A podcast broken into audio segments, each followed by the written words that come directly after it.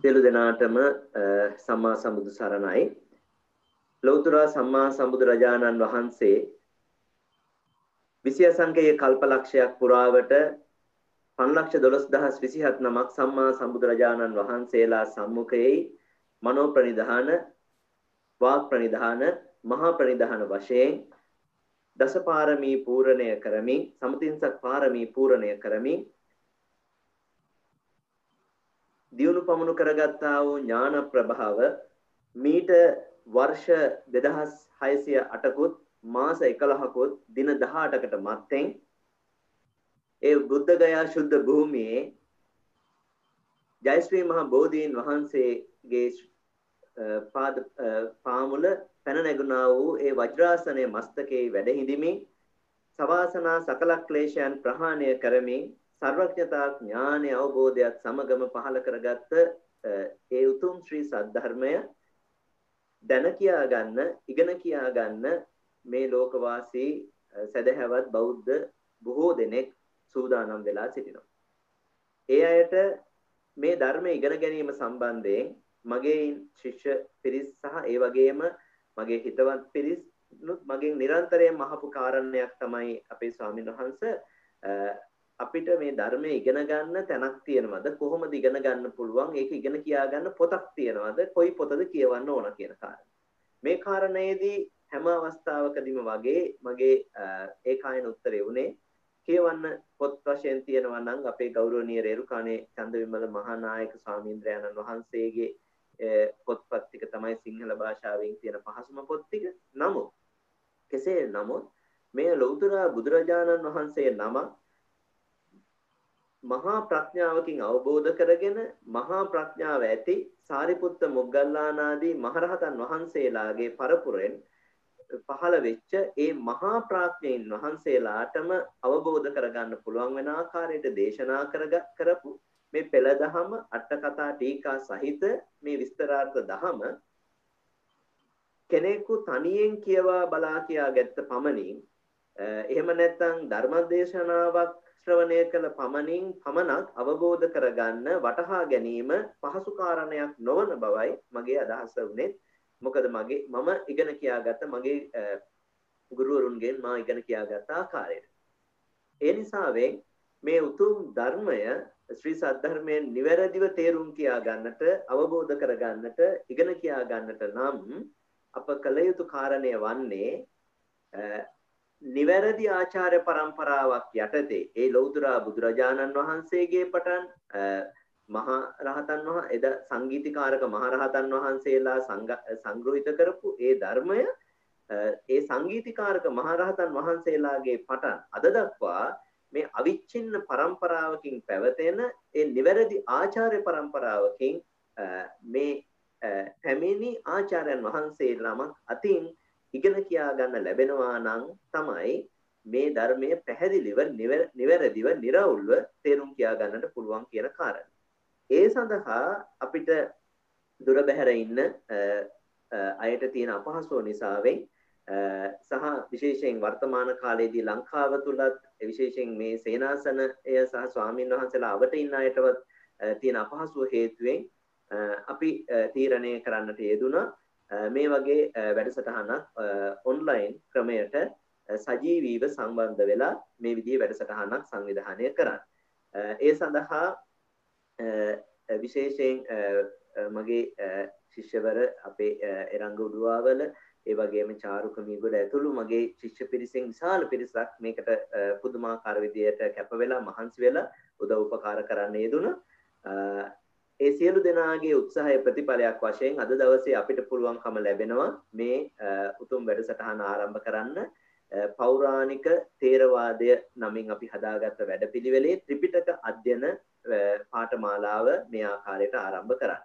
මේ වැඩපිළිවෙලේදී මේ උතුම් වැඩපිළිවෙල සාක්ෂාත් කරගන්න අපි ඒකායන වශයෙන් තීරණය කරලා තිබුණ කාරණයක් තමයි අපිට ඊටාම ගැළපෙන පළවෙනිම කාරණය තමයි ඊටාම ගැළපෙන ගුරුතුමන් වහන්සේ නමක් මේ කාරණයට සහ සම්බන්ධ කරගත යුතුයි කියන කාරණේ.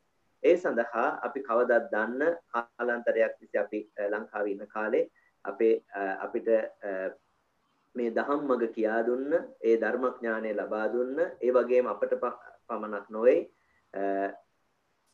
සුපේශල ශික්ෂාකාමී ගෞරවනීය ස්වාමින් වහන්සේලා විශාල ප්‍රමාණයකට මේ වන විට ඒ ත්‍රීපිටක ධර්මය ඊටාම ගම්භීර ආකාරයෙන් ඊටාම निराවුල්ව පැහැදිලිව ධර්ම ගරුත්වයෙන් යුක්තව ඒ පෙළ අටුවාවන් පිළිබඳව මනා අවබෝධයක් සහිතව නිවැරදි ආචාර්ය પરම්පරාවකින් ඉගෙන කියාගෙන අද දවසේ මේ ලෝක ශාසනයට මහත් සේවයක් සලසන අපේ ගෞරවනීය ස්වාමින් වහන්සේව මේ මේ වැඩපිළිවෙලේ ආචාරත්වයට නැත්නම් අපේ අපිට මේ උතුම් ත්‍රිපිටක ධර්ම අධ්‍යයන පාඨමාලාවෙන් අපිට පුහුණු කිරීම ඉගැන්වීමේ කටයුතු සඳහා අපි ගෞරවනීය ස්වාමින් වහන්සේට ආරාධනා කරන්නට යෙදුණා. අපේ ගෞරවනීය ස්වාමීන් වහන්සේ ඒ වැඩි වශයෙන්ම මේ ස්වාමින් වහන්සේලාට ඉගැන්වීමේ කටයුතු වල නිරත වෙන ඒ වගේම භාවනා උපදේශන කටයුතු වල යෙදෙන ගෞරවනීය ස්වාමීන් වහන්සේ නමක් ඒ තිබියදී අපගේ ඉල්ලීම සලකලා අප කෙරෙහි අනුකම්පාවෙන් මේ වැඩසටහනට සම්බන්ධ වෙමින් අපිට මේ ත්‍රිපිටක අධ්‍යයන වැඩපිළිවෙලේ උගන්වන්නට උන්වහන්සේ එකඟ වීම සම්බන්ධයෙන් අපි සෑම සියලු දෙනාම අපේ ගෞරවනීය පාද නමස්කාර පූර්වක ස්තුතිය අපේ ගෞරවනීය ස්වාමින් වහන්සේට පුද කරන්නට අවශ්‍ය වෙනවා. මම මුලින්ම හඳුන්වලා දෙන්න කැමති අපේ ස්වාමින් වහන්සේ අම්පිටිය උඩගම චිත්ත විවේකාශ්‍රමාධිපති විනයාචාර්ය නම කියන්න අවසරයි පූජ්‍යපාද ගලේවල ඥානදස්සන ස්වාමීන්ද්‍රයාණන් වහන්සේ. ගෞරවනීය ස්වාමීන් වහන්සේව මේ ඓතිහාසික ශාසනික වැඩපිළිවෙල සඳහා අපි සෑම සියලු දෙනාම පාද නමස්කාර පූර්වකව පිළිගනු ලබනවා මේ උතුම් දම් සභා මණ්ඩපයට මේ උතුම් පෞරාණික ආරාමික අධ්‍යාපන ක්‍රමවේදයේ යටතේම ගිහි පින්වතුන්ට මේ උතුම් ධර්මය උගන්වන්නට අපි ගෞරවනීය ශානාසයට පාද නමස්කාර පූර්වකව ආරාධනා කරමු. ඒ වගේම මේ වැඩසටහන සම්බන්ධයෙන් බොහොම කෙටියෙන් මතක් කරන්නට ඕන. මේ වැඩසටහනේ අපි බලාපොරොත්තු වෙනවා අද ඉඳන් සෑම සෙනසුරාදා දවසකම ලංකාවේ වෙලාවෙන් රාත්‍රී 7ට මේ වැඩසටහන සජීවීව සම්බන්ධ කර සම්බන්ධ වෙන පිරිසට මේ වැඩසටහන පවත්වාගෙන යන්න. ඒ වගේම මේ වැඩසටහනේ වීඩියෝවක් අපි පටිගත කරගන්නවා. ඒ පටිගත කරගන්න වීඩියෝව අපි බලාපොරොත්තු වෙනවා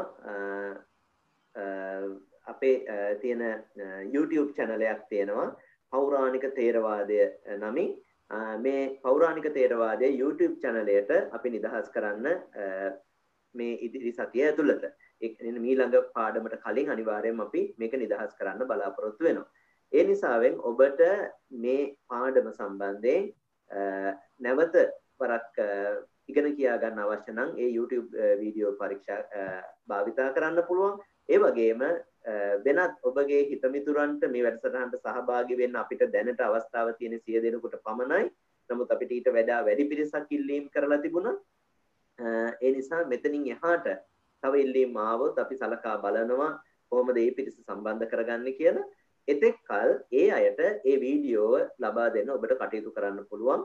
අපි ඒ සඳහා ඒ පිළිබඳව ඔබට අපේ මුලින් දැනුවත් කළ ආකාරයට ආකාරයට ඔබව දැනුවත් කිරීම සිද්ධ කරනවා. ඒ වගේම මේ වැඩසටහනේදී ගෞරවනීය ස්වාමින් වහන්සේ ඔබට මේ අද දවසේ සාකච්ඡාව ආශ්‍රයෙන් ඔබට පැන නැගෙන ගැටලු ප්‍රශ්න ඉදිරිපත් කරන්න අවස්ථාව දෙනවා. අපි මේ වැඩසටහනේ මූලික හැඳින්වීමේදී මතක් කළා වගේ ප්‍රශ්නයක් අහන්න තියෙන කෙනෙක් වේ නම් raise hand option එක අතක් අත ඉස්සීමට මෙහි මේ වැඩසටහනේ තියෙනවා උපාංගයක් ඒ රේස් හැන්ඩ් ඔප්ෂන් එක හරහා ඔබ ඉල්ලීම කරන්න එවිට අපි ඒ අවස්ථාව දෙනවා නමුත් අපි දන්න ඔබ මං හිතනවා ඔබ තේරුම් ගන්නවා ඇති සිය දෙනෙක් සහභාගී වෙන වැඩසටහනක සිය දෙනෙක්ටම ප්‍රශ්න අහන්න බැරි වෙන නිසා විශේෂයෙන් ප්‍රශ්නයක් තියෙනවා නම් ඒකත් මේ පාඩමට අදාළව ඔබට ඉදිරිපත් කරන්න අපි අවස්ථාව සලසලා තියෙනවා. එහෙමනම් අද දවසේ අපි වැඩසටහන මේ ආකාරයට නිල වශයෙන් ආරම්භ කරන්නට යෙදුණා. ගෞරවනීය ස්වාමින් වහන්සේට අපි වන්දනා කරමු. එරංග සහ චාරුක මාත් එක්ක එකතු වෙලා වන්දනා කරමු. සියලු දෙනාම තමන් ඉන්න තැන ඉඳගෙන ගෞරවනීය ස්වාමීන් වහන්සේට වන්දනා කරමු. ඕකාස වන්දහාමි බන්තේ ඕකාස දුහාරත්තයේන කතං සබ්බහං අච්චයන් කමත මේ බන්තේ සාදු ඕකාස කමාමි බන්තේ අවසරයි ස්වාමීනි ලෝක ලෝකේ ලෝකයේ විවිධ රටවල් වලින් ඕස්ට්‍රේලියාව කෙළවරේ සිට අනිත් පැත්තෙන් ඇමරිකාව දක්වාම ලෝකයේ විවිධ රටවල් වලින් මේ ලෞතර බුදුරජාණන් වහන්සේ විසින් අප වෙත කරුණාවෙන් දේශනා කර වදාළ මේ උතුම් ශ්‍රී සද්ධර්මය මේ ධර්ම මාර්ගය ඉගෙන කියා ගන්නට ත්‍රිපිටක ධර්ම ඉගෙන කියා ගන්නට කැමැත්තෙන් ඉන්න බොහෝ පිරිස් ඉන්නවා. ඒ අය වෙනුවෙන් මේ උතුම් ත්‍රිපිටක අධ්‍යයන පාඨමාලාව පවත්වන මෙන් අපි ඔබ වහන්සේට නැවතත් පාද නමස්කාර පූර්වක ආරාධනා කර සිටිනවා. අවසරයි ස්වාමීනි. හොඳයි සෑම සියලු දෙනාටම තෙරුවන් සරණයි. අපි ලෝතර බුදුරජාණන් වහන්සේ විසින් දේශනා කරපු ධර්මයක් අද ඒ වගේම අපේ ශාස්ත්‍රුන් වහන්සේ ලෝතර බුදුරජාණන් වහන්සේ ඒ නිසා අපි මුලින්ම ලෝතර බුදුරජාණන් වහන්සේට තුන් පාරක් নমස්කාරය කරමු. අවසරයි ස්වාමීනි. නමෝ භගවතු වරහතෝ සම්මා සම්බුද්දස්ස නමෝ තස්ස භගවතු වරහතෝ සම්මා සම්බුද්දස්ස නමෝ තස්ස භගවතු වරහතෝ සම්මා සම්බුද්දස්ස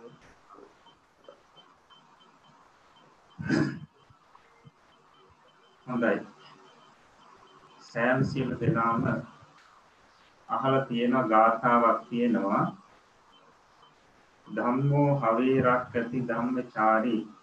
ධම්මෝ සුචින්නෝ සුතමාව කාති ඒසානි සංසෝ ධම්මේ සුචින්නේ නදුග්ගතින් ගච්ඡති ධම්මචාරී. එතකොට මේ ගාථාවෙන් පැහැදිලි කරන්නේ ධම්මෝ හවේ රක්කති ධම්මචාරී ධර්මයේ හැසිරෙන කෙනා ධර්මයේ විසින්ම ආරක්ෂා කරනවා. ධම්මෝ සුචින්නෝ සුඛමාව හාති. ඒ වගේම තමයි මේ ධර්මයේ හැසිරීම තුළ තමන්ට සැපේ ලැබෙනවා. සැපගෙන දෙනවා.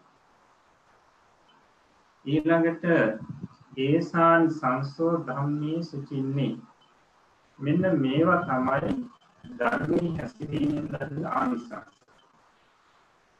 නදු ගතින් ගච්ඡති ධම්මචාරී අවසානයේ පැහැදිලි කරනවා ධර්මයේ හැසිරෙන කෙනා දුගතිය කියන්නේ නැහැ කියලා. දුගතිය කියලා අපි අදහස් කරන්නේ සතර අපාය. එතකොට සතර අපායට ධර්මයේ හැසිරෙන කෙනා යන්නේ නැහැ කියන එකයි මේ ගාථාවෙන් විශේෂයෙන් පැහැදිලි කිරීම කරන්නේ. එතකොට නැවත අපි ඒකේ අර්ථය හිතලා බැලුවොත් ධර්මයේ හැසිරෙන කෙනා ධර්මයේ විසින්ම ආරක්ෂා කරනවා. ධර්මයේ හැසිරෙන කෙනා ඒ ධර්මයේ විසින්ම ආරක්ෂා කරනවා. ඒ වගේම තමයි ධර්මයේ හැසිරෙනකොට ඒ තනත්තාට සැපගෙනවා. මේ සැපේ කියලා අදහස් කරන්නේ මේ ජීවිතේ සතුට සැපේ වගේම ඊළඟට සුගතිය උපදින්න ලැබෙනවා කියන්නේ දිව්‍ය ලෝක ප්‍රාර්ථන ලෝක උපදින්න පුළුවන් ඊයන්ම තමයි ලෝකෝත්තර වාසී නිවන් සැපේ ලංකා කරගන්න පුළුවන් ඊළඟට පැහැදිලි කරන්නේ විශේෂයෙන් අවසානයේදී කවුරු සුගතිය යන්න බයයි මේ ධර්මයේ හැසිරීමේ උදේ නම් යන්නේ නැහැ කියන තමයි අවසාන පාඩයෙන් පැහැදිලි කරන්නේ. එතකොට මේ ධම්ම කියන වචනය මේ ගාථා පුරාවට අපිට ඇහිලා මහානීය ධර්මයි. එතකොට පැහැදිලි කරනවා ධර්මයේ හැසිරීම කියන දුකතිය යන්නේ නැහැ. ඒ වගේම තමයි මතු ජීවිතවල සුගතිය උදෙනවා වගේම ලෝකෝත්තර වශයෙන් ඉබාදත් පුළුවන් ඉස්සරහට දෙන්න. එතකොට අපි මෙතනදී විශේෂයෙන්ම පැහැදිලි කරගන්න ඕනි මොකක්ද එහෙමනම් මේ ධර්මය. ඉතින් මේ ධර්මය කියලා කියන්නේ දැන් සමහර වෙලාවට මේ ප්‍රශ්නේ අහුවට පස්සේ එක එක කියන එක එක උත්තර දෙන්න පුළුවන්. හැබැයි මේ ධර්මය කියලා කියන්නේ අපේ බෝධිසත්වයන් වහන්සේලා විසත්පුර පසළොස්වක වෙන දවසේදී ජයශ්‍රී මහා බෝසත්තුන්ගේ පාදමූලේ ඇනගත්තු බද්දිරාසනයේ වැඩිමින් සපරිවාර මාරසේනක පරාජයට පත් කරලා දසදහසක් ලෝකධාතු කම්පා කරලා උතුම් බුද්ධත්වයට පත් වුණා. අන්නේ බුද්ධත්වයට පත් වුණු මොහොතේදී උන්වහන්සේට අවබෝධ වූ දේ තමයි ධර්මයේ කියලා කියන්නේ. සමහර වෙලාවට සමහරේ තමන් කල්පනා කර කර ඉන්න වෙලාවෙන් තමන් අවබෝධ වූ දෙයක් සම්බන්ධයෙන් මට යමක් අවබෝධ වුණා නිසාම ධර්ම දේශනාවක් පවත්වනවා කියලා ධර්ම දේශනාවක් කියලා තමන්ට අවබෝධ වුණු දේ කියන්න පුළුවන්. හැබැයි මේක ධර්ම දේශනාවක් බවට පත් වෙන්නේ නැහැ. මොකද බුදුරජාණන් වහන්සේට අවබෝධ වුණු දෙයක් නොවේ. නැත්නම් බුදුරජාණන් වහන්සේගේ ධර්මයක් නෙවෙයි මේ තැනට කියන්නේ. එතකොට මේ තමන්ට තේරු දේ අනුව තමන් හැසිරීම තුළ තමන්ට සුගතියට යන්න ලැබෙන්නේ නැහැ බොහෝ දුරට. මොකද ඒක තමන්ගේ හිතට ආපු දෙයක් තමන්ට තේරුණු දෙයක් අයිකරික දෙයක් තමයි හැසිරීම නිසා. ඉතින් මේ ධර්මය කියන එක විශේෂයෙන්ම අපි දැනගන්න ඕනි බුදුරජාණන් වහන්සේට එදා බෝමැදදී යමක් අවබෝධ වුණාද අන්න ඒක තමයි අපි කියන්නේ ධර්මය කියලා. ඉතින් මේ ධර්මය අවබෝධ කරගන්න අපේ බුදුරජාණන් වහන්සේ අති දීර්ඝ කාලයක් සංසාරේ දුක් විඳා. මොකද මෙහෙම මම කියන්න හේතුව තමයි සමහර වෙලාවට අපි බුදුරජාණන් වහන්සේ දේශනා කරපු ධර්ම කාරණාවක් ගැන ඇහෙනකොට පොතපතකින් කියවනකොට සමහර වෙලාවට අපිට සමහරුන්ට සැකේනවා. මේක හරිද වැරදිද? ඒක ප්‍රත්‍යක්ෂ ස්වභාවය. හැබැයි අපේ බෝධිසත්වයන් වහන්සේ මේ ධර්මය අවබෝධ කරගන්න මේක හොයාගන්න මොන තරම් කාලයක් වැය කරාද කියන එක සම්බන්ධයෙන්ුත් අපි හිතලා බලන්න ඕනේ. ඉතින් විශේෂයෙන්ම අපේ බෝධිසත්වයන් වහන්සේ උන්වහන්සේ මුලින්ම මේ බුද්ධත්වයේ වෙනුවෙන් හිත නැවුනට පස්සේ බුද්ධත්වයේ වෙනුවෙන් අදහස ඇති වුණාට පස්සේ කාසේ කාටවත් කියන්න ගියේ නැහැ. හිතින්ම බුදු බව ප්‍රාර්ථනා කරා. ඉතින් අපි ඒකට කියනවා මේ මනෝප්‍රනිධාන පුරනවා කියලා. උන්වහන්සේ මේ මනෝප්‍රනිධාන කල්ප අසංඛ්‍යය හතක් කල්ප අසංඛ්‍යය හතක් උන්වහන්සේ මනෝප්‍රනිධාන පුරනවා කියන්නේ වචනයෙන් බුදු බව පතාගෙන ඒ සඳහා දාන ආදී පින්දහම් ආදී කරගෙන ඒ කටයුතු කරගෙන ආවා. කල්ප අසංඛ්‍යය හතක්. එතකොට මේ කල්පයක් කියන්නේ කොච්චර කාලයක්ද? ඒ වගේම කල්ප අසංඛ්‍යයක් කියන්නේ කොච්චර දීර්ඝ කාලයක්ද කොච්චර ප්‍රමාණයක්ද කියන එක අපිට ඉදිරියේදී අභිධර්ම පාඩම් වල ඉගෙන ගන්න ලැබෙනවා. එතකොට මේ කල්පසංකේය හතේදී අපේ බෝධිසත්වයන් වහන්සේට මුණ ගැහිලා තියෙනවා බුදුරජාණන් වහන්සේලා 125000ක්. බුදුරජාණන් වහන්සේලා 125000ක් සම්මුඛ වෙලා ඒ සම්මුඛයේදී යම් පින්දහමුත් කරලා හැබැයි කාටවත් කියන්නේ ඉතින් උන්දත්තේ ප්‍රාර්ථනා කරා. ඊළඟට උන්වහන්සේ තවත් කල්පසංඛ්‍ය 9ක් වාක්‍ය නිදාන කෙරුවා. ඒ කියන්නේ වචනේ බුදු බව ප්‍රාර්ථනා කරනවා. දැන් මේ කාලේ වෙනකොට මට බුද්ධත්වයට පත් වෙන්න අවශ්‍යයි. ඒ සඳහා මම කටයුතු කරනවා කියන වචනේ කිව්වා. අනිත් පැයට දැනගන්න ලැබුණා. එතකොට මේ කාලයේදී උන්වහන්සේ يعني කල්පසංකීය නවයක් තුළදී සම්මා සම්බුදුරජාණන් වහන්සේලා තුන් ලක්ෂ පසු හත්දහසක් සම්මුඛ වුණා. බෝධිසත්වයන් වහන්සේට සම්මුඛ වෙනවා. ඊළඟට කල්පසංකීය හතරකුත් තවත් කල්ප ලක්ෂයක් අපේ බෝධිසත්වයන් වහන්සේ පාරමී පුරනවා. නිකන් බුද්ධත්වයේ වෙනුවෙන් කටයුතු කරා. එතකොට මේ කාලයේදී උන්වහන්සේ සම්මුඛ වුණා බුදුරජාණන් වහන්සේලා 27 නමක්. උන්වහන්සේට සම්මුඛ වුණා. මේ කාලෙට අපි කියනවා කාය වාක් ප්‍රනිධාන පුරන කාලය. ඒ කියන්නේ සමාගයේ බුදුරජාණන් වහන්සේලා ඉදිරියේදී බුද්ධත්වයේ වෙනුවෙන් බුද්ධත්වයේ වෙනුවෙන් කටයුතු කරනවා කියන එක පස්සෙත් කරා. ඒ වගේම තමයි දාන ආදී පින්කම් කරා ජීවිත පරිත්‍යාග කරා මේ කයයි වචනයයි කියන දෙකම යොදමින් බුද්ධත්වයේ වෙනුවෙන් කටයුතු කරා. එතකොට විශේෂයෙන්ම පාරමිතා පුරන්නට දස පාරමිතා පුරන්නට ආරම්භ කරේ මේ කාලේ.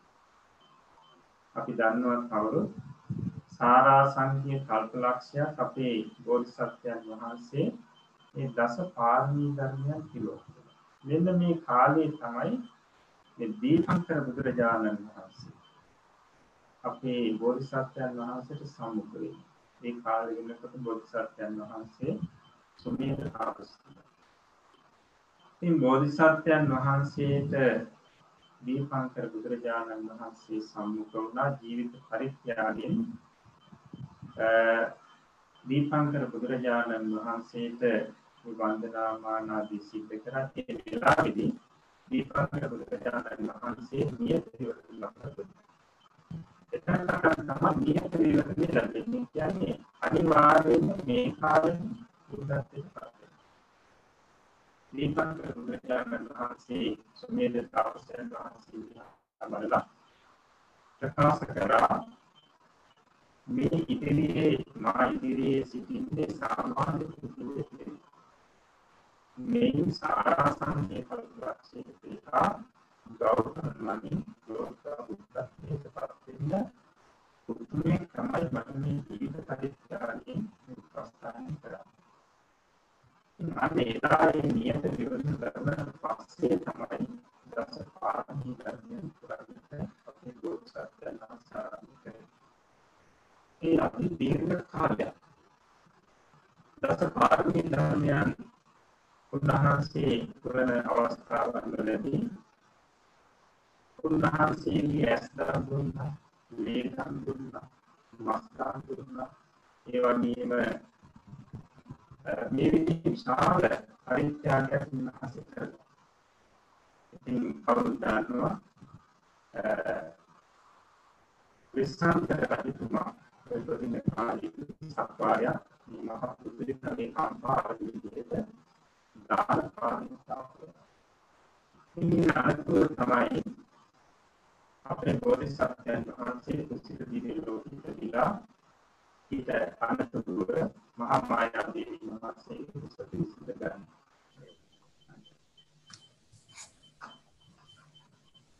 හොඳයි. එහෙමනම් අපේ බෝධිසත්වයන් වහන්සේ ධර්මය අවබෝධ කර ගැනීම සඳහා මොනතරම් කාලයක් වෙහෙසුනාද දුක් විඳලාද මොනතරම් කාලයක් ගත කරාද කියන එක ගැන අපි කතා කරේ විශේෂයෙන්ම අපේ බෝධිසත්වයන් වහන්සේ මේ බුද්ධත්වයේ වෙනුවෙන් විසි අසංකීය කල්ප ලක්ෂයක්. ඒ කියන්නේ අසංකීය විස්සකොත් කල්ප අසංකීය විස්සකොත් කල්ප ලක්ෂයක් බුද්ධත්වයේ වෙනුවෙන් උන්වහන්සේ වෙහෙසුණා. එතකොට මුලින්ම සිතින් බුදු බව කතාගෙන උන්වහන්සේ ආවා. ඊළඟට වචනයෙන් බුදු බව කතාගෙන ආවා. ඊට පස්සේ කයින් වචනින් බුදු බව පතාගෙන එතකොට අපි ඒ බෝධිසත්වයන් වහන්සේ මේ සිතින් බුදු බව පතාගෙන ආපු කාලය ගත්තාම කල්ප අසංකීය හතක්. එතකොට ඒ කාලෙදී ලෝතුරා බුදුරජාණන් වහන්සේලා එක් ලක්ෂ විසි පන්දහස්සක් සමුඛ වෙලා තියෙනවා. ඊළඟට වචනින් බුදුබව පතාගෙන ආවා ඒ කාලේ කල්ප අසංකීය නවයක්. ඒකට ඒ කාලයේදී සම්මුඛවන බුදුරජාණන් වහන්සේලා ප්‍රමාණය තමයි තුන් ලක්ෂ අසූ හත්දස් බුදුරජාණන් වහන්සේලා ප්‍රමාණය. ඊළඟට කයින් සහ වචනය බුදුබව පතාගෙන ආවා එතකොට ඒකට අපි කියනවා කාය වාක් ප්‍රනිධාන පුරනවා කියලා. ඉතින් ඒ කාලේ ගත්තහම කල්පසංකීය හතරකොත් ඒවගේම කල්ප ලක්ෂයක්. එතකොට මේ මේ කාලයේදී බුදුරජාණන් වහන්සේලා විසි හත් නමක් සමුක වෙලා තිබ විසි හත් නමක් සමුක වෙලා තිබ. එතකොට කාලය සම්බන්ධයෙන් අපි ගත්තොත් සම්පූර්ණ කාලය තියෙනවා කල්පසංකයේ විශ්සකොත් තවත් කල්ප ලක්ෂයක්. විසි අසංකයේ කල්ප ලක්ෂයක් කියන එක. එතකොට මේ කාලේ පුරාවට සම්මුඛ වුණු බුදුරජාණන් වහන්සේලා ප්‍රමාණී ගත්තහම පන්ලක්ෂ දොළොස්දස් විසි හත් නම පන්ලක්ෂ දොළොස්දස් විසි හත් නම එතකොට මේ කාලය මොන තරම් දීර්ඝයිද කියන එක අපිට දැන් තේරෙන්නේ නැහැ. නමුත් ඉදිරියේදී අපි මේ කල්පේ සම්බන්ධයෙන් පාඩමක් කරනවා. එතකොට තමයි අපිට මේක පැහැදිලි වෙන්නේ. ඊළඟට කෙටියෙන් කියනවා නම් මේක අපිට හිතා ගන්නත් බැරි කාලයක්. අවුරුදු ලක්ෂ ගණන් අවුරුදු කෝටි ගණන් එහෙම නෙවෙයි. මේක හිතා ගන්නත් බැරි අති දීර්ඝ කාලයක්. ඒකට ඒක අපිට ඉදිරි පාඩමකදී පැහැදිලි වෙනවා. ඒ වගේම තම අපි හිතල බලන්න ඕනි බුදුරජාණන් වහන්සේලා පන්ලක්ෂ දොළොස් දස් විසි හත් නම සම්මක වනා කියලා කියන්නේ මේකින් අපිට තේරෙනවා මොන තරම් දීර්ඝ කාලයක්ද අපේ බෝධිසත්වයන් වහන්සේ මේ ධර්මය අවබෝධ කරගන්න. ඒවගේ මේ බුද්ධත්වය වෙනුවෙන් කටයුතු කරේ වෙහෙසුනි දුක් වින්දී කෙනෙ අපිට මනාව පැහැදිලි එතකොට මේ දීර්ඝ කාලය ගැන අපි හිතලා බලනකොට අපිට පැහැදිලි වෙනවා එහෙමනම් බුදුරජාණන් වහන්සේගේ ශ්‍රී මුඛයෙන් පිටවුණු ධර්මයේ නැත්නම් වචනයක් සම්බන්ධයෙන් අපිට කිසිම ප්‍රකාශයක් කරන්න ඇත්තටම පුළුවන්කමක් නැහැ. මොකද මේ දවසක් දෙකක් හරි මාසයක් දෙකක් හරි අවුරුද්දක් හෝ ජීවිත කාලයක් පුරාවට කල්පනා කරලා පොතපත කියවලා ලබාගත්තු දැනුමක් නෙවෙයි. ලබාගත්තු අවබෝධයක් නෙවෙයි. අති දීර්ඝ කාලයක් සංසාරේ බුදුරජාණන් වහන්සේ ළඟ නැගහිලා වහන්සේලාට උපස්ථාන කරලා ඒ වගේම පාරමී 10 ඉස්සාකාරයකට පුරාගෙන මහ පොළව කම්පා වෙනසේ පාරමී පුරලා උන්වහන්සේ ලබාගත් දැනුම නැත්නම් අවබෝධයක් තමයි මේ බුද්ධත්වයේ කියලා කියන්නේ. උන්වහන්සේ බුද්ධත්වයට පත්වෙන මොහොතේදී ඒ උන්වහන්සේට අවබෝධ වුණු දේ ධර්මය කියලා කියනවා. ඒ ධර්මය කියලා කියන්නේ මේ ලෝකේ තියෙන තාම පිරිසිදු එතකොට මේ බුදුරජාණන් වහන්සේ මේ ධර්මය අවබෝධ කරගන්න පැමිණිච්ච ගමන සහ කාල වකවානුව ගැන අපි කෙටියෙන් මේ පැහැදිලි කරන්න සම්බන්ධයෙන් කෙටියෙන් පැහැදිලි කරන්න යෙදුණා. ඉතින් ඊට පස්සේ උන්වහන්සේට අවබෝධ වුණු ධර්මය අවබෝධ වුණු දෙය උන්වහන්සේ මහා කරුණාවෙන් යුතුව ලෝක සත්‍යයන්ට දේශනා කරා. ඒ කියන්නේ සත්‍යයන්ට මේ නිවන් මාර්ගය පහදලා දෙන්න. සංසාර දුකින් නිදහස් කරන්න. උන්වහන්සේ ඒ සංසාර දුකින් නිදහස් කිරීමේ පරම පියතුර චේතනාවෙන් යුතුව අවුරුදු 45ක් පන්සාලිස් වසක් තිස්සේ උන්වහන්සේ විහිසුණා. මේක අපි කවුරුත් මනාවම දන්නවා. එතකොට අර මුලින් කියපු ගාථාවේදී පැහැදිලි වුණානේ මේ ධර්මයේ පුරුදු පුහුණු කිරීම තුළ සැප ලැබෙනවා. ලෞකික ලෝකෝත්තර සැප ලැබෙනවා. එහෙමනම් ඒ ලෞකික ලෝකෝත්තර සැප ලබා ගන්න නම් පුහුණු කළ යුත්තේ අනුගමනය කළ යුත්තේ මොනවද? ඒ බුදුරජාණන් වහන්සේ විසින් දේශනා කරපු ධර්මය. ඒ නිසා අපි නැවත නැවත මතක් කරගන්න ඕනි ධර්මයේ කියලා කියනවා නම් ධර්ම රත්නය කියලා කියනවා නම් යමකට ඒ කියන්නේ බුද්ධත්වයට එක්කම අපේ බුදුරජාණන් වහන්සේට අවබෝධ වුණ දෙයක්. ඉතින්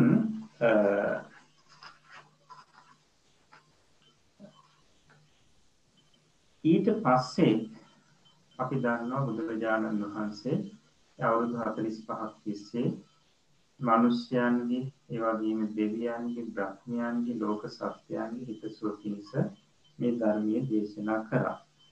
එතකොට මේ උන්වහන්සේට අවබෝධ වුණු ධර්මයේ එක කොටසක් තමයි අභිධර්මය කියලා කියන්නේ. බුද්ධත්වය සමග අවබෝධ වුණු ධර්මයේ අවබෝධ වුණු දේ එක කොටසක් තමයි අභිධර්මය කියලා කියන්නේ. එතකොට මෙන්න මේ අභිධර්මය උන්වහන්සේට අවබෝධ වුණු ධර්මයේ අතර විශිෂ්ට ධර්මයක්. විශිෂ්ට ධර්මයක්. මේ ධර්මය උන්වහන්සේ දේශනා කරන්නට තෝරගත්තේ විශේෂයෙන්ම මේ තවතිසා දිව්‍ය භවන. බුද්ධත්වයට පත් වෙලා අවුරුදු 7ක් යනකොට මේ තීර්ථකයන්ගේ ඇති වුණා යම් දෘෂ්ටියක් ඒ තීර්ථයන්ගේ දෘෂ්ටියත් එක්ක ඒ පිරිසට මාන්නයක් ඇති වුණා. මොකද බුදුරජාණන් වහන්සේ කාලේ වෙනකොට මේ 이르දි ප්‍රාතිහාර්ය කරන තහනම් කරා ශ්‍රාවකයන්. ඊට පස්සේ තීර්ථකයන් කියා සිටියා මේ ගෞතම ශ්‍රාවකයන්ට 이르දි ප්‍රාතිහාර්ය පාණ්ඩ බැහැ.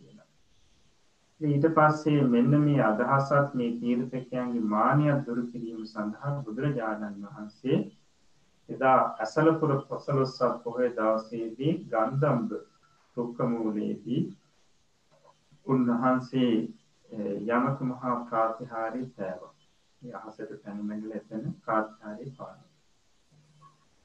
ඉන් අනතුරුව අපේ බුදුරජාණන් වහන්සේ තවතිසා දිව්‍ය භවන්ට වැඩම කළා.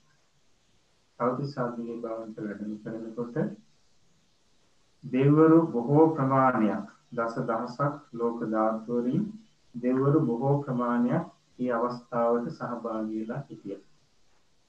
ඉතින් ඒ අවස්ථාවේදී බුදුරජාණන් වහන්සේ සක්දේව රජතුමාගේ පාණ්ඩු කම්බල ශෛලාසනයේ ගල් ආසනයේ වැඩ ඉඳිමින් තමයි මේ අභිධර්මයේ කියන ඒ උන්වහන්සේ අවබෝධ කරගත්තු ධර්මයෙන් එක කොටසක් ඉදා දේශනා කරන්නට තීරණය කෙරේ.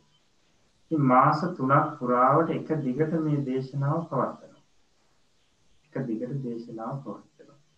ඉතින් උන්වහන්සේ ගත්තාම විශිෂ්ට මිනිස්සෙක්. මිනිස්සෙක් නිසා උන්වහන්සේට දෙවියන්ට වගේ එක දිගට දීර්ඝ කාලයක් කුසගින්න ඉන්න පුළුවන්කමක් නැහැ.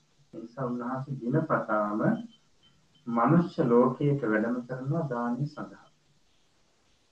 ඉතින් දානීය වෙලා වෙනකොට උන්වහන්සේ පාත්‍රයක් අරගෙන මනුෂ්‍ය ලෝකයට වැඩම කරන ඉතිරි මුලින්ම එන්නේ අනෝතප්ප විලට. හිමාලයේ තියෙන අනුතත්තු ඉල ළඟට වැඩම කරනවා. ඒකට මේ වැඩම කරන වෙලාවේදී තවතිසාවේ ධර්මයේ දේශනා වෙනවා. උන්වහන්සේ වැඩම කරනකොට බුදුරජාණන් වහන්සේ නමක් එතන නිර්මාණය කරලා නැත්නම් නිර්මිත බුදුරජාණන් ධර්මයේ දේශනා කරන්න අදිස්ථාන කරලා තමයි උන්වහන්සේ වැඩම කරන්නේ. ඉතින් අනෝතත්ව වලට වැඩම කරාට පස්සේ එතනදී දෙවියන් විසින් පිළිගන්නවා දැහැටි එහෙම නැත්නම් දත් නැද ගන්න අවශ්‍ය දේ ඊටවස්නාසී දත් නැදගෙන ඊට පසු උතුරු කුරු දිවයිනට වැඩම කරනවා පින්ද පාතේ සඳහා. ඊට පස්සේ පින්ද පාතේ වන්දලා මේ සඳුන් වනයේට වැඩම කරනවා. අන්න ඒ අවස්ථාවේදී සාරිපුත්ත ස්වාමීන් වහන්සේ දෙන්න වැඩම කරනවා බුදුරජාණන් වහන්සේට උපස්ථාන සඳහා. මේ වෙලාවේදී සාරිපුත්‍ර ස්වාමීන් වහන්සේට බුදුරජාණන් වහන්සේ දේශනා කරනවා කියා සිටිනවා සාරිපුත්‍රය අද මම මෙතෙක් ධර්මයක් දේශනා කරා. කි බොහොම කෙටියෙන් ප්‍රකාශ කරන්නේ.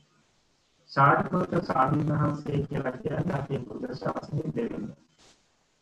ප්‍රඥාවෙන් උන්වහන්සේ බුදුරජාණන් වහන්සේට පමණයි දෙන්නේ. ප්‍රඥාවෙන් බුදුරජාණන් වහන්සේට පමණයි දෙන්නේ. එතකොට ඒ නිසා උන්වහන්සේට කෙටියෙන් කියපු කාරණාව විස්තර වශයෙන් අවබෝධ වෙනවා. විස්තර වශයෙන් උන්වහන්සේ අවබෝධ කරගෙන එදා තමන් ඉන්න සේනාසනයට පැමිණිලා තමන්ගේ ශිෂ්‍යයන් 500 දෙනෙකුට අර බුදුරජාණන් වහන්සේ කෙටියෙන් ප්‍රකාශ කරපු උන්වහන්සේ මෙතෙක් දේශනා කරා කියලා කෙටියෙන් අභිධර්මයේ සම්බන්ධයෙන් ප්‍රකාශ කරන්නේ අන්න ඒ ඒ උන්වහන්සේ අවබෝධ කරගෙන අති දීර්ඝත් නොවන විදිහට අතිශයින් සංක්ෂේපත් නොවන විදිහට මධ්‍යම ක්‍රමයෙන් තමන්ගේ ශිෂ්‍යයන් පාන්සිය දෙනාට කියලා දෙනවා. ඉතින් මේ විදිහට බුදුරජාණන් වහන්සේ හැමදාම දිනපතාම අර සඳුන් වනයේට දිවා විහාරයට වැඩම කරනකොට විහරණයට වැඩම කරනකොට සාරිපුත්ත ස්වාමීන් වහන්සේ වැඩම කළ උපස්ථාන කරලා ඊට පස්සේ එදා දවසේ දේශනාවම ධර්මයේ කෙටියෙන් සාරිපුත්ත ස්වාමීන් වහන්සේට ප්‍රකාශ කරනවා සාරිපුත්‍ර ස්වාමීන් වහන්සේ තමන්ගේ ශිෂ්‍යයන් 500 දෙනාට මේ ධර්මයේ උගන්වනවා. එතකොට මාස 3 අවසන් වෙනකොට බුදුරජාණන් වහන්සේ තවතිසා දිව්‍ය ලෝකයේ අභිධර්ම දේශනාවත් අවසන් කරනවා. ඒ වගේම සාරිපුත්ත ස්වාමීන් වහන්සේ තමන්ගේ ශිෂ්‍යයන් 500 දෙනාට ඒ අභිධර්ම දේශනාවත් අවසන් කරනවා. එතකොට බුදුරජාණන් වහන්සේගෙන් මුලින්ම සරියු ස්වාමීන් වහන්සේට අභිධර්මය ආවා ඊට පස්සේ සරියු ස්වාමීන් වහන්සේගෙන් තමන්ගේ ශිෂ්‍යයන් 500 දෙනාට මේ අභිධර්මය ලැබුණා. එතකොට මේ ශිෂ්‍යයන් 500 දෙනා මේ සරියු ස්වාමීන් වහන්සේගේ මුලින්ම අභිධර්ම ඉගෙනගත්තු ශිෂ්‍යෝ 500 දෙනා කවුද කියන එක ගැන අපි ටිකක් හිතන්න ඕනේ. එතකොට පැහැදිලි කරනවා මේ ධර්මයේ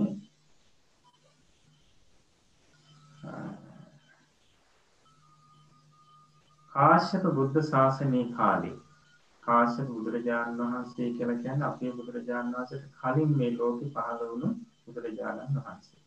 ඒ කාශ්‍යප බුද්ධ ශාසනයේ කාලෙදී අභිධර්ම දර ස්වාමීන් වහන්සේලා දෙනමක් කියන්නේ අභිධර්ම හොඳටම දන්න ස්වාමීන් වහන්සේලා දෙනමක් එක්තරා ගල්ලෙනක මේ අභිධර්මයේ සජ්ජායනා කරනවා. මේ අභිධර්මයේ සජ්ජායනා කරනකොට මේ ගල්ලෙනේ හිටිය කිරිවවුලු 500 දෙනෙක්. මේ කිරිවවුල්ල 500 දෙනාට මේ ස්වාමීන් වහන්සේලාගේ කටහඬ ඇහෙනවා.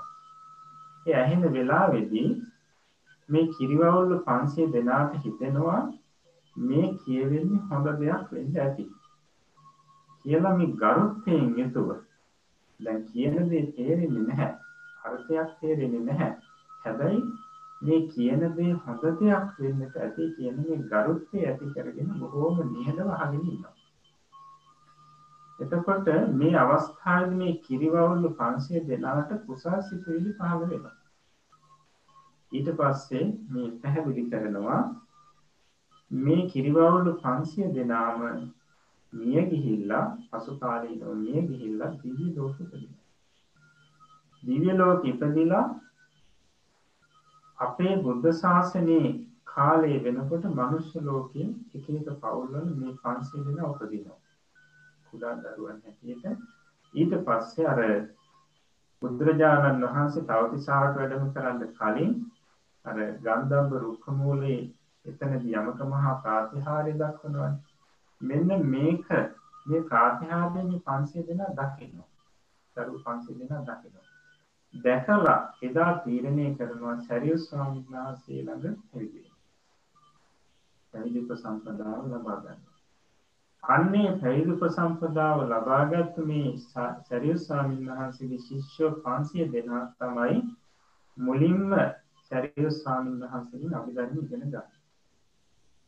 එතකොට මේ ඒ සැරියු ස්වාමීන් වහන්සේගේ ශිෂ්‍ය 500 දෙනා කියලා කියන්නේ පෙර කාශ්‍යප බුද්ධ ශාසනයේ කිරිවවුල්ල 500 දෙනෙක් විදිහට ඉඳපු පිරිස. එතකොට මොකක්ද කරගත්තු පින්කම අර අභිධර්මදර ස්වාමීන් වහන්සේලා දෙනමක් අභිධර්මයේ සජ්ජායනා කරනකොට මේකට ගරුත්වෙන් අහුම්කම් දුන්නා. මෙන්න මේ පින නිසා මේ පිරිස දිව්‍ය ලෝකෙට ඉපදිලා බුද්ධාන්තරයක් කාලයක් සුගතිය ඉඳලා මනුෂ්‍ය ලෝකෙ ඉපදිලා අපේ බුදුරජාණන් වහන්සේගේ යමක මහා ප්‍රාතිහාර්ය බලලා පැහැදිලා සරියුත් ස්වාමීන් වහන්සේ ළඟ පැවිදිලා මුලින්ම බුදුරජාණන් වහන්සේගේ අභිධර්මයේ ඉගෙන ගන්න වාසනාවන්ත පිරිස බවට පත් වෙනවා. එතකොට අපිට පැහැදිලි වෙනවා මේකෙන් මේක නොතේරුණත් මේ බුදුරජාණන් වහන්සේගේ පිරිසිදු ධර්මයට ඇහුම්කන් දීමෙන් මොනතරම් ආනිසංස ලැබෙනවද කියන එක. එතකොට ඊළඟට දැන් බුදුරජාණන් වහන්සේ අවුරුදු හතලිස් පහක් තිස්සේ මේ දෙවි මිනිසුන්ට ධර්මය දේශනා කරල උන්වහන්සේ පිරිගන් පා. ඊට පස්සේ ද මේ කාලෙ වෙනකොට බුදුරජාණන් වහන්සේ ඒ තැන් දේශනා කරපු ධර්මය ශ්‍රාවකයන් දරාගෙන හිටිය. ශ්‍රාවකයන් දරාගෙන හිටිය නමුත් මේ පිටකවලට බෙදිලා තිබුණේ නැහැ මේ ධර්මය. පළවෙනි ධර්ම සංගායනාවේදී ප්‍රමුඛත්වය ගන්නේ මහා කාශ්‍යප මහරහතන් වහන්සේ. එදා 500ක් මහරහතන් වහන්සේලා මේ ධර්ම සංගායනාවට සම්බන්ධ වෙනවා. එතකොට මෙන්න මේ අවස්ථාවේදී තීරණය කරා මේ බුදුරජාණන් වහන්සේගේ දේශනාව දැන් විසිරීලා තියෙන්නේ. ඒ නිසා විසිරුණු මල් සමූහයක් එක වැලකට අමුණලා පිළිවෙල කරනවා වගේ උන්වහන්සේ දේශනා කරපු ධර්මය අපි පිළිවෙල කරන්න ඕන.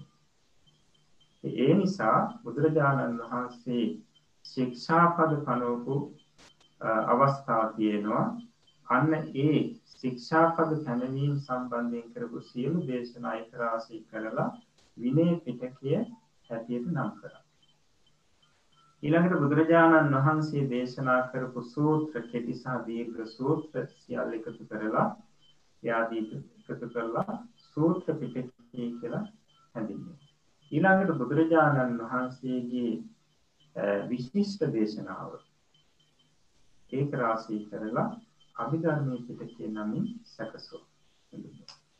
එතකොට මේ අභිධර්මයේ අපි මේ වචනේ අහලා තියෙනවා අභිධර්මයේ කියලා. මේ අභිධර්මයේ කියන එකේ අර්ථය මොකක්ද කියන එක අපි මුලින්ම බලන්නට ඕනේ. එතකොට මේක පැහැදිලි කරනවා ධම්මාතිරේක ධම්ම විශේෂත්වයන අභිධම්මෝ කියලා. අභිධර්මය කියන එක අර්ථය. ධම්මාතිරේක මෙතන පැහැදිලි කරනවා ධම්මාතිරේක කියලා කියන්නේ අතිරේක ධර්මයක්. ධම්මාතිරේක කියන්නේ අතිරේක ධර්මයක් කියන එක. ඊට පස්සේ ධම්ම විශේෂ, ඒ කියන්නේ විශේෂ ධර්මයක්. ඒකට ධම්ම කියන්නේ සාමාන්‍ය ධර්මයට මේ අභි කියන වචනේ මේට එකතු වුනහම ඉතින් අදහස් කරන්නේ අභි කියන එකෙන් අදහස් කරන්නේ මේ අතිරේක සහ විශේෂ කියන අර්ථය. එතකොට අතිරේක ධර්මයක් විශේෂ ධර්මයක් නිසා බුදුරජාණන් වහන්සේගේ දේශනාවේ එක කොටසක එක කොටසක් හඳුන්වලා තියෙනවා අභිධර්මයේ කියලා. එතකොට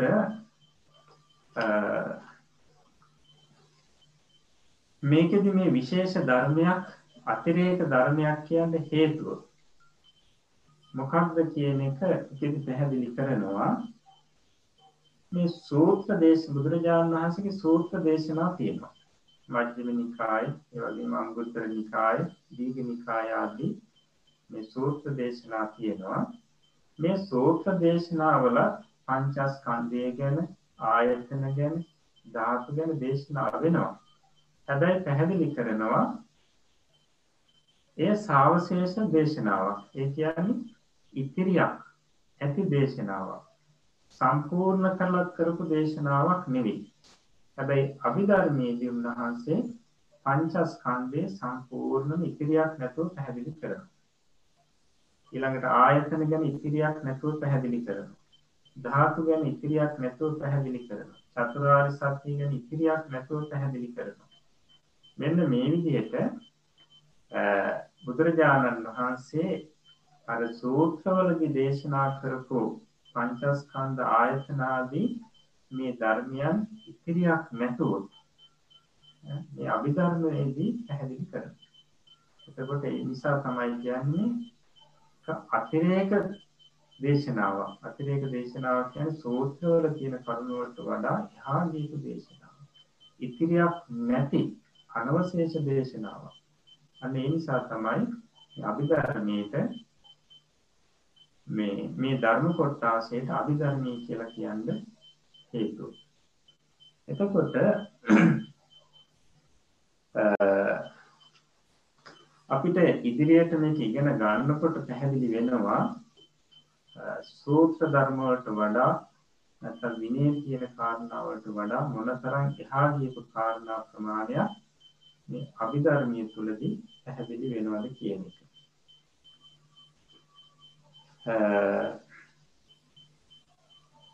ඊළඟට අපිට පැහැදිලි කරන්න පුළුවන් පළවෙනි ධර්ම සංගායනාවෙන් පස්සේ ආචාර්ය පරම්පරාවෙන් පරම්පරාවට මේ ධර්මය තුන්වෙනි ධර්ම සංගායනාව දක්වාම පැමිණෙනවා. ඊට පස්සේ මිහිඳු මහරහතන් වහන්සේ තමයි අපේ ලංකාදීපයට මේ ධර්මය රැගෙන ඉන්නේ. ඊට පස්සේ පළගම්බා රජතුමාගේ කාලයේදී මාතලේ අලුවිහාරේ පුස්කොළ පොත්වල මේ ධර්මය ලියවෙනවා. ඊට පසුව මේ දක්වාම මේ ගුරු පරම්පරාවෙන් මේ ධර්මය අපිට ලැබිලා තියෙනවා.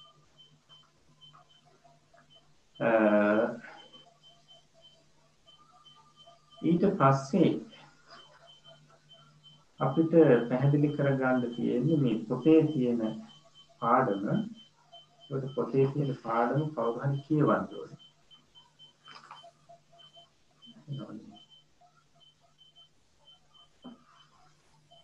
පොතේ තියෙන පාඩම හොඳයි සනස මම ඒක කියවන්නම්. පොතේ අවසර පාඩමේ කොතන ඉඳලාද කියවන්න මුල මුල පාඩම කියමු අපි හැදින්මින් අපිට වෙලාවේ අවශ්‍ය නැහැ. තමයි කියව ගන්න පුළුවන්. පුළුවන්. හොඳයි මාර්ගය ප්‍රථම පරිච්ඡේදය. ප්‍රථම පරිච්ඡේදය. හොඳයි සනස අවසරයි. ඔගොල්ලන්ට අපි ඒ පොත ලබා දීලා තියෙනවා. එතනින් බලන්නත් පුළුවන්. ඒ වගේම මේ මෙතන අපි මේ ස්ක්‍රීන් එකේ ෂෙයා කරනවා. එතනින් බලලා කියව ගන්නත් පුළුවන් සනස මට පොඩි වෙලාවක් දෙන්න මේ පිටුව පෙරලා ගන්න.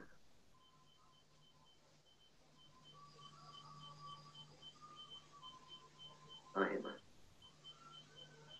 අවසරයි සම්මාස අභිධර්ම මාර්ගය නමෝ තස්ස භගවතෝ අරහතෝ සම්මා සම්බුද්දස්ස ප්‍රථම පරිච්ඡේදය පළවන පාඩම. දෙව් මිනිස් ඇත් අස් ගව මැසි මදුරු ආදී කුඩා මහත් සියලු සතුන් හා පස් ගල් දිය සුළං ගස් වැල් ආදී සියලු වස්තුන්ද සෑදෙන මූල ධාතුන් විභාග කොට දක්වන්නා වූද ඒ මූල ධාතුන් ඇතිවන සැටි පරම්පරා වශයෙන් පවත්නා සැටි උගන්වන්නා වූද නිර්වාණ ධාතුව විභාග කොට දක්වන්නා වූද ධර්මය අභිධර්මයයි. දැනට ජීවත්ව ඉන්නා මේ මනුෂ්‍යාදී සත්වයන් අතීතයේද විසූ බවත් මරණින් මතු නැවත නැවතත් උපදනා බවත් නැවත ඉපදීම සිදුවන සැටිත් හරියට දත හැක්කේ අභිධර්මය උගෙනීමෙනි. පින්්‍ය කියා දෙයක් ඇති බවත් පෞ්‍ය කියා දෙයක් ඇති බවත් ඒ පින්පව්වල ඇති බලයත් පින්පව්වලින් සත්වයන්ට සැපදුක් දෙන සැටිත් හරියට තේරුම් ගත හැක්කේ අභිධර්මය උගෙනීමෙනි. පින් මේවාය පව් මේවාය කියා හරියට දත හැක්කේද අභිධර්මය උගෙනීමෙනි. අප සමීපයේ අපට බොහෝ දුරනොත් අපේ ඇස්වලින් දැකිය හැකි දැකිය නොහෙන රූප නොයෙක් රූ සටහන් ඇති නොයෙක් ආකාර සැපදුක් ඇති දිව්‍ය බ්‍රහ්මාදී නොඑක් ಜಾති වලට අයත් බොහෝ සත්වයන් ඇති බව දත හැක්කේද අභිධර්මය උගෙනීමෙනි. නිවන කුමක්ද? නිවන් මඟ කුමක්ද කියා හරියට තේරුම් ගත හැකි වන්නේද අභිධර්මය උගෙනීමෙනි. මතු ඉපදීමක් ඇති බව නොපිළිගන්නේ කර්මානුරූපව සත්වයන් සුවදුක් ලබන බව නොපිළිගන්නේ අපායවල් ඇති බව දෙව්බඹුන් ඇති බව නොපිළිගන්නේ මේ ධර්මය නොදන්නා බැවිනි. බුදු පිළිම වලට වඳින්න ඕනෑ නැත. අජීවමාන බුදුන්ට මල් පහන් ආහාරාදිය පුදන්න ඕනෑ නැත. යන ආදී මිත්‍යා අදහස් ඇතිවන්නේද මේ ධර්මය නොදන්නා නිසාය. බෞද්ධයෙකු වුවද මේ ධර්මය තරමක් දුරටවත් නොදත් තැනැත්තා අන්ධ පෘථග්ජනයෙකි. ඔහුට බණක් අසා හෝ බණ පොතක් කියවා හෝ හොඳින් තේරුම් ගත නොහැකිය. කියන බණක් හොඳින් තේරුම් ගත හැකිවීමටත් බණ පොතක් කියවා හොඳින් තේරුම් ගත හැකිවීමටත් තරමක් දුරටවත් අභිධර්මය උගෙන තිබිය යුතුය. බුදුරජාණන් වහන්සේගේ ධර්මය සූත්‍ර පිටකය විනය පිටකය අභිධර්ම පිටකය කියා තුන් කොටසකට බෙදා තිබේ. අභිධර්ම පිටකය ප්‍රකරණ සතකි. ධම්ම සංගප්ප සංගනී ප්‍රකරණය විභංග ප්‍රකරණය ධාතු කතා ප්‍රකරණය පුද්ගල පඤ්ඤප්ති ප්‍රකරණය කතාවත්තු ප්‍රකරණය යමක ප්‍රකරණය ප ဋ ාණ ප්‍රකරණය යනු ඒ ප්‍රකරණ සතෙහි නම්ය හොඳයි එතකොට දැන් මේක කියවනකොට පැහැදිලි වෙන්න ඇති බොහෝ දෙනෙකුටම මොකද්ද මේ අභිධර්මී ගැනීමෙන් තියෙන ප්‍රයෝජනේ සහ මේකේ අන්තර්ගතයේ සම්බන්ධය. දැන් අපි මතක් කරා මේ බුදුරජාණන් වහන්සේගෙන් අභිධර්මයේ ශිෂ්‍ය පරම්පරාවට ආපු ක්‍රමයක් ඒ වගේම එතෙන් පටන් අපිට තුන්වෙනි ධර්ම සංගායනාව දක්වා අභිධර්මයේ පැමිණියා ඊට පස්සේ ලංකාද්වීපයට ලැබුණු සැටි සහ මේ දක්වා ආචාර්ය පරම්පරාවෙන් අපිට ලැබුණු ආකාරය. එතකොට බුදුරජාණන් වහන්සේ දේශනා කරපු ධර්මය කොටස් තුනකට වෙන් කරා කියන එක අපි මුලින් පැහැදිලි කරා.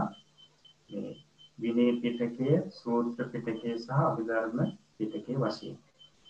එතකොට මේ ත්‍රිපිටකයේ විශේෂයෙන්ම ගිහි පින්නතුන්ට ත්‍රිපිටකයෙන් මේ සූත්‍ර පිටකයේ සහ අභිධර්ම පිටකයේ දැනුම විශේෂයෙන්ම අවශ්‍ය වෙනවා.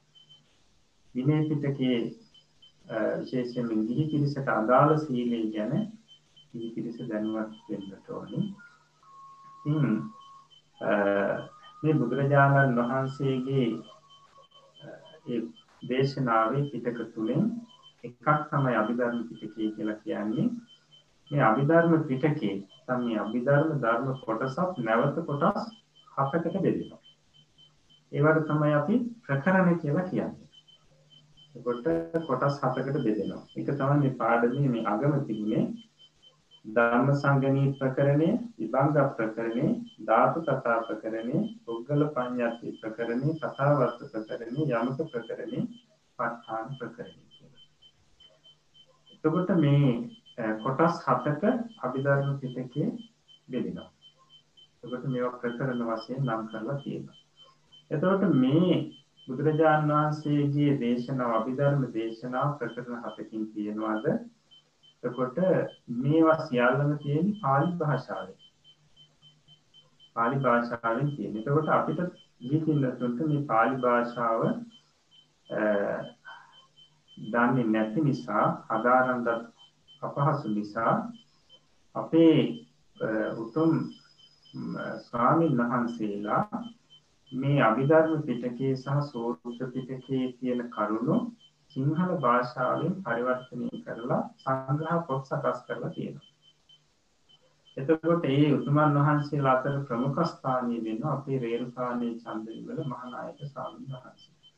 උන්වහන්සේ මේ අභිධර්ම පිටකේ ප්‍රකරණ හතේම තියෙන කරුණු සාරාංශගත කරලා ග්‍රන්ථයක් සකස් කරලා තියෙන එකට තමයි කියන්නේ අභිධර්ම මාර්ගය කියලා.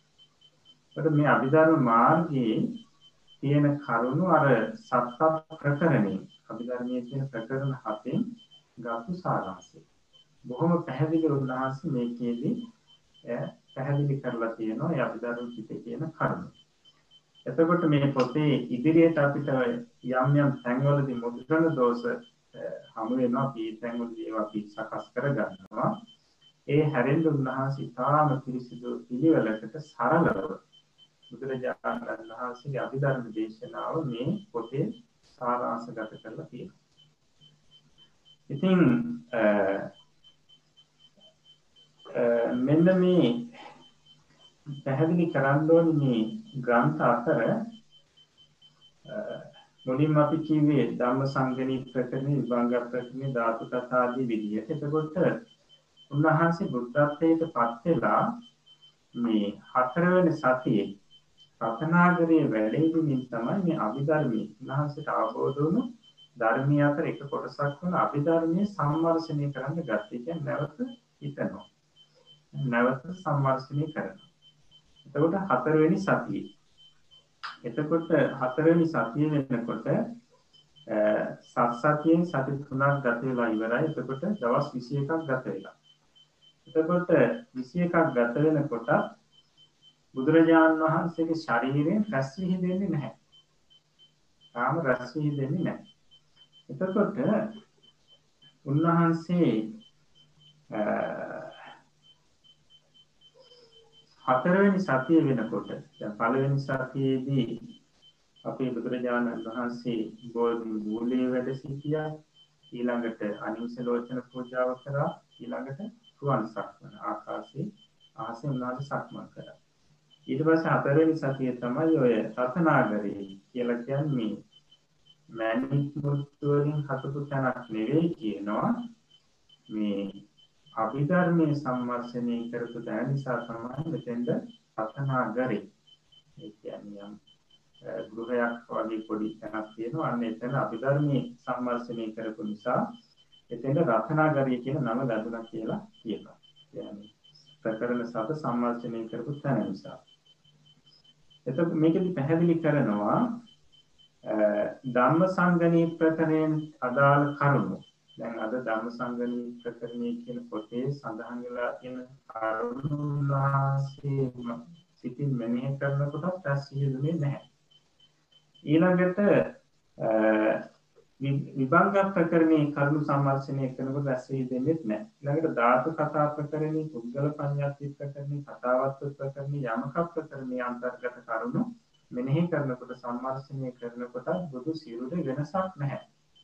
හැබැයි ප ဋ ාණ ප්‍රකරණේ ඇතුළත් කරුණු සංවර්ෂණය කරන්න යනකොට උන්වහන්සේගේ මේ හිත අතිශයින්ම ප්‍රභාස්වර වෙන්න ගත්තා. මොකද ප ဋ ාණ ප්‍රකරණේ කරුණු ඉතාම ගැඹුරුයි. ඒකට ඒක පැහැදිලි කරනවා අර මුල් ප්‍රකරණ 6 මෙනෙහි කරනකොට බුදුරජාණන් වහන්සේගේ මේ ප්‍රඥාවට හරියට පවතින ඉඩ මදිලු. හැබැයි ප ဋ ාණ ප්‍රකරණය කියන මේ ගැඹුරු ධර්මයේ මෙනෙහි කරන්න ගන්නකොට තමයි බුදුරජාණන් වහන්සේගේ ප්‍රඥාව ඉතාම සුවසේ හොඳින් මේ ක්‍රියාත්මක වුණේ කියලා පැහැදිලි කරනවා. කියන්නේ මුල් ප්‍රකරණ 6 කරුණු උන්වහන්සේගේ නුවණට මදි. අවසාන ප්‍රකරණයේ කරුණු මෙනෙහි කරනකොට තමයි උන්වහන්සේගේ ප්‍රඥාව ඉතාම හොඳින් සර්වඥතා ඥාන ඉතාම හොඳින් ක්‍රියාත්මක වෙන්නේ. අන්නේ වෙනකොට හිත අතිශය ප්‍රභාස්වර වුණා. ඒ නිසා ලේ ධාතුව පිරිසිදුනා ශරීරයෙන් සවනක් ගන්න පුදුරස් පිළිගන්න ගන්න. එතකොට අපිට හිතා ගන්න පුළුවන් මේ ප ဋ ාණ ප්‍රකරණය මොනතරම් මේ ගැඹුරු ධර්ම කොටසක් විස්තර කරන ප්‍රකරණයක්ද කියන එක. ඉතින් අපි දන්නවා නීල පීත ලෝහිත තෝදාත මාංජේත ප්‍රභාස්වර කියන මේ රස විහිදුනේ. නිල් පාට විහිදෙනවා. ඊළඟට කහ පාට රස විහිදුනා. ඉටස්සේ ලේ පාට රතු පාට ඊළඟට සුදු පාට ඕදාස ඊළඟට මාංජෙට කියන මදිකයට පැහැයි ඊළඟට ප්‍රභාස්වර කියලා කියන්නේ මේ වර්ණ සියල්ලම මිශ්‍ර වර්ණය. මෙන්න මේ රස නිදෙන්න ගත්තා. එතකොට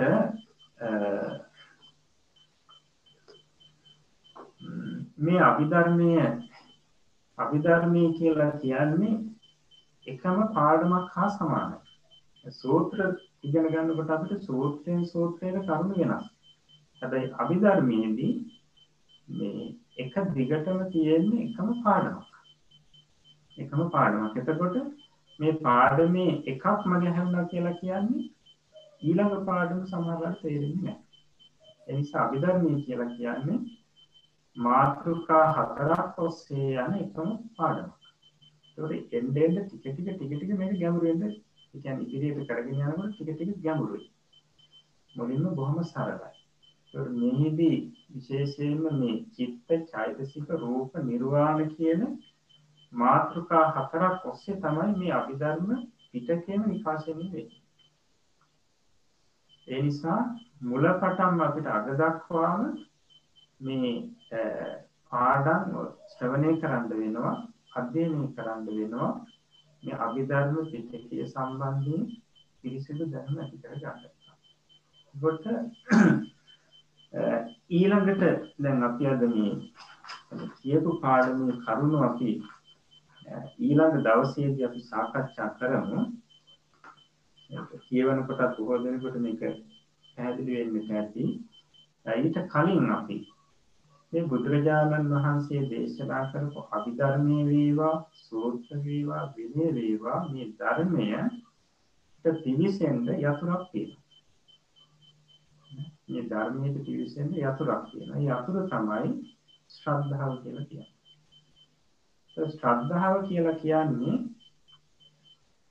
මේ බුදුරජාණන් වහන්සේ කෙරෙහි තියෙන විශ්වාසය. ධර්ම රත්නය කෙරෙහි තියෙන විශ්වාසය, මහා සංඝ රත්නය කෙරෙහි තියෙන විශ්වාසය. එතකොට පැහැදිලි කරනවා මේ විශේෂයෙන්ම මුලින් පැහැදිලි කරන බුදුරජාණන් වහන්සේ කෙරෙහි තියෙන විශ්වාසය. ඒ විශ්වාසය කියලා කියන්නේ බුදුරජාණන් වහන්සේ කියලා කියන්නේ බුද්ධත්වයට පත්වන උතුමන් වහන්සේ නම. උන්වහන්සේ සර්වඥයි. සියල්ලම දන්නවා. ඒ ගැන අපිටයි වහන්සේ දේශනා කරපු දෙයක් ගැන අපිට කිසිම තරකයක් නැහැ. යම් තැනක අපිට නොතේරුමක් තියෙනවා නම් ඒ නොතේරෙන්නේ අපේ තියෙන දැනුම මරිකම. එහෙම නැතුව බුදුරජාණන් වහන්සේ දේශනා කරපු දෙහි තියෙන අඩුවක් නොවේ. ඒක අපේ නුවණේ තියෙන මදකම. විෂය සංකේ කල්පලක්ෂයක් පුරාවට බුද්ධත්වයේ වෙනුවෙන් කටයුතු කරගෙන ඇවිල්ලා විශේෂයෙන්ම සාරාංශික කල්පලක්ෂයක් දසපාරමී ධර්මයන් පුරලා උන්වහන්සේ අවබෝධ කරගත්තු ධර්මයක් සම්බන්ධයෙන් අපිට මතයක් ප්‍රකාශ කරන්න විවේචනයක් කරන්න අපිට දැනුමක් නැති නැහැ. උන්වහන්සේගේ ධර්මයෙන් සම්බන්ධයෙන් අපිට කිසි සේත්ම ප්‍රකාශයක් නිකුත් කරන්න තරම් අපිට දැනුමක් නැහැ. අපිට තියා බුදුරජාණන් වහන්සේට දෙවෙනි වුණු සාරිපුත්‍ර ස්වාමීන් වහන්සේටවත් එහෙම ප්‍රකාශයක් කරන්න තරම් උන්වහන්සේට පදනමක් තිබුණ නැහැ කියන ප්‍රකාශයක් කරන්න බැහැ. මොකද මේ ධර්මය කියලා කියන්නේ අපි දීර්ඝ කාලයක් පෙරම් පුරලා විශිෂ්ට ඥාණයෙන් අවබෝධ කරගත්තු දෙයක්. ඒ නිසා මේ ධර්මය අවබෝධ කර ගන්නට නම් අපි අපිට තියෙන්න ඕනි හොඳ ශ්‍රද්ධාව. මොකද මේ ධර්මයට අපිට එකතු කරන්න දෙයක්වත් නැහැ. මේ ධර්මයෙන් ඉවත් කරන්න දෙයක්වත් නැයිකයි කිව්වේ මේ ධර්මයක ගුණයක් කියනවා ස්වාක්ඛාත. ඒ කියන්නේ මනාවම දේශනා කරලා කියනවා. ආයි මේ අකුර අඩුයි මේ වචනේ අඩුයි කියලා ඇතුළත් කරන්න දෙයක්වත් නැහැ. ඊට පස්සේ මේ අකුර වැඩි මේ වචනේ වැඩි කියලා අයින් කරන්න දෙයක්වත් නැහැ.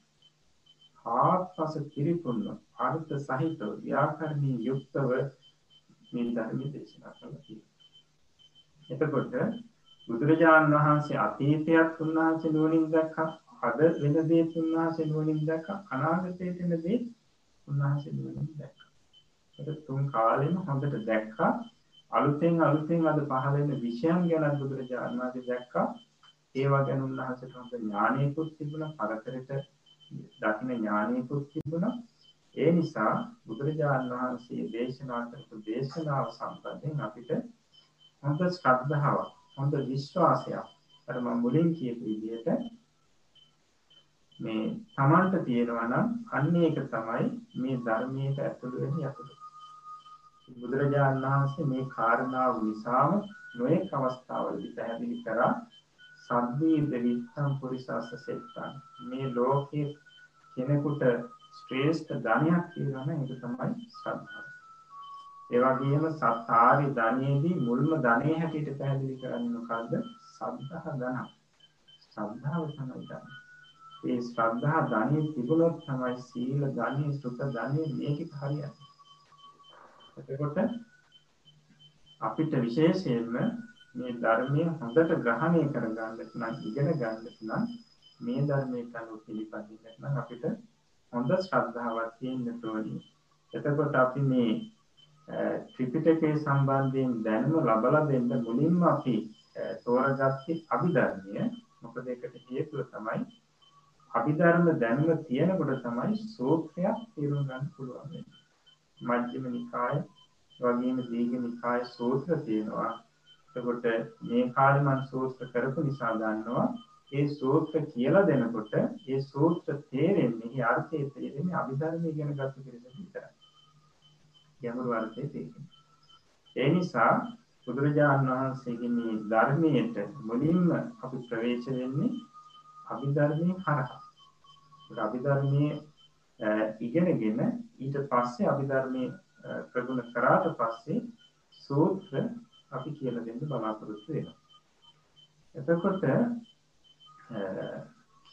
ඉතින් අද දවසේදී අපි මේ අභිධර්මයේ මේ ත්‍රිපිටක ධර්ම ඉගෙන ගැනීමේ මුල් අවස්ථාව හැටියට මුල් දවස හැටියට අපි මේ අද පැහැදිලි කරේ විශේෂයෙන් අභිධර්ම පිටකේ කොහොමද මේක ශ්‍රාවකයන් අතරට ආවේ කොට මේකට හේතුව මම මෙච්චර පැහැදිලි කරන්න හේතුව තමයි අද සමාජයේ එක මත මතාන්තර තියෙනවා. එතකොට Tamanට ඇහෙන්නත් ලැබෙනවා මේවා. අභිධර්ම ඉගෙන ගත්තට පස්සේ Tamanට පුළුවන් ඒ මත මතාන්තර ගැන විනිශ්චය කරන්න. ඊට කලින් විනිශ්චය කරන්න යද්දී මේක ඉවරුනාට පස්සේ Tamanටම අවබෝධය ලැබෙනවා. Tamanට විනිශ්චය කරන්න පුළුවන් ඒ සමාජයේ තියෙන අදහස් සම්බන්ධයෙන්. මොකක්ද ඇත්ත යථාර්ථය මොකක්ද කියලා Tamanටම විනිශ්චය කරන්න පුළුවන් අවස්ථාව ලැබෙනවා. ඉතින් ඒ නිසා අද දවසේදී අපි මේ ධර්මය අවබෝධ කර ගැනීම වෙනුවෙන් බුදුරජාණන් වහන්සේ කොච්චර කාලයක් කැප කරාද මොනතරම් කාර්යයක් ඉටු කරාද? ඒ වගේම උන්වහන්සේගේ මේ ධර්මයේ හතර විශිෂ්ට ධර්මයේ අභිධර්මයේ ශ්‍රාවකයන් අතරට ආවේ කොහොමද පරම්පරාවෙන් ආවේ කොහොමද? ඒ වගේම උන්වහන්සේගේ බුදුරස් වීදෙන්ට හේතුව මොකද්ද ශරීරයෙන්? ඒ වගේම මේ අභිධර්මයේ අර්ථය නොදැන ගත්තත් එකට අහුම්කම් දීමේ තියෙන වටිනාකම මොකද්ද ඒ වගේම මේ අභිධර්මයේ ඉගෙන ගැනීම තුළින් මේ ත්‍රිපිටකයට අපිට ප්‍රවේශ වෙන්න පුළුවන් කියන මේ කර්ම කාරණාවක් අද ඉගෙන ගත්තා ඒ වගේම අභිධර්මයේ ප්‍රකරණ හතකට බෙදෙනවා ඒ ප්‍රකරණ හත මොකක්ද කියන කාරණාවත් අපි ගත්තා. ඉතින් මේ ප්‍රකරණ හතේන කරුණු සාරාංශගතව මේ අභිධර්ම මාර්ගයේ පොතේ විස්තර කරලා තියෙනවා. මෙන්න මේ මේ ග්‍රන්ථයේ හැදෑරීම තුළින් අපිට අභිධර්මයේ සම්බන්ධයෙන් චාර දැනුමක් ඇති කරගන්න පුළුවන්. ඉතින් ඒ දැනුම අපි ඉදිරියේදී සෑම පාඩමක් පාසාම තමන්ට ලබා දෙන්න උත්සාහවත් වෙනවා. අපි ධර්මයේ ඉගෙන ගත්තා විනය ඉගෙන ගත්තා ඒ තුලින් අපි අද සැනසෙනවා බොහෝ ලොකු සැනසීමක් ලබනවා ඒකට ඒ සැනසීම මේ සිල්පසෙන් උපස්ථාන කරන ශාසනයට ලැබි දායක පින්වත් පිරිස දෙනියන බෞද්ධයන් දෙනියන ලබා දීමේ යායමක් තමයි පිළිගන්නේ. ඉතින් ඒක අපි නොකඩවා ඉදිරියට සිදු කරන්න බලාපොරොත්තු වෙනවා.